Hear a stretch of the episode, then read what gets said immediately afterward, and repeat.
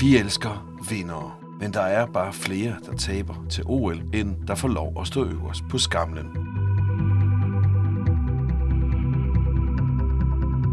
De var skadet, form var der ikke, masten den knækkede. eller de var bare ikke gode nok.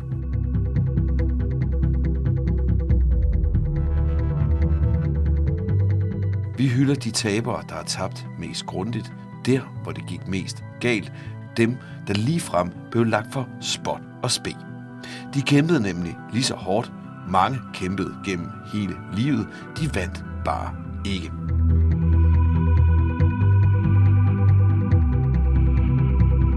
For det er nederlaget, man lærer mest. Hvad har de lært om sig selv, og hvad har de lært om at angribe livet, når man mislykkes med sin drøm? Glæd dig til de største tabere.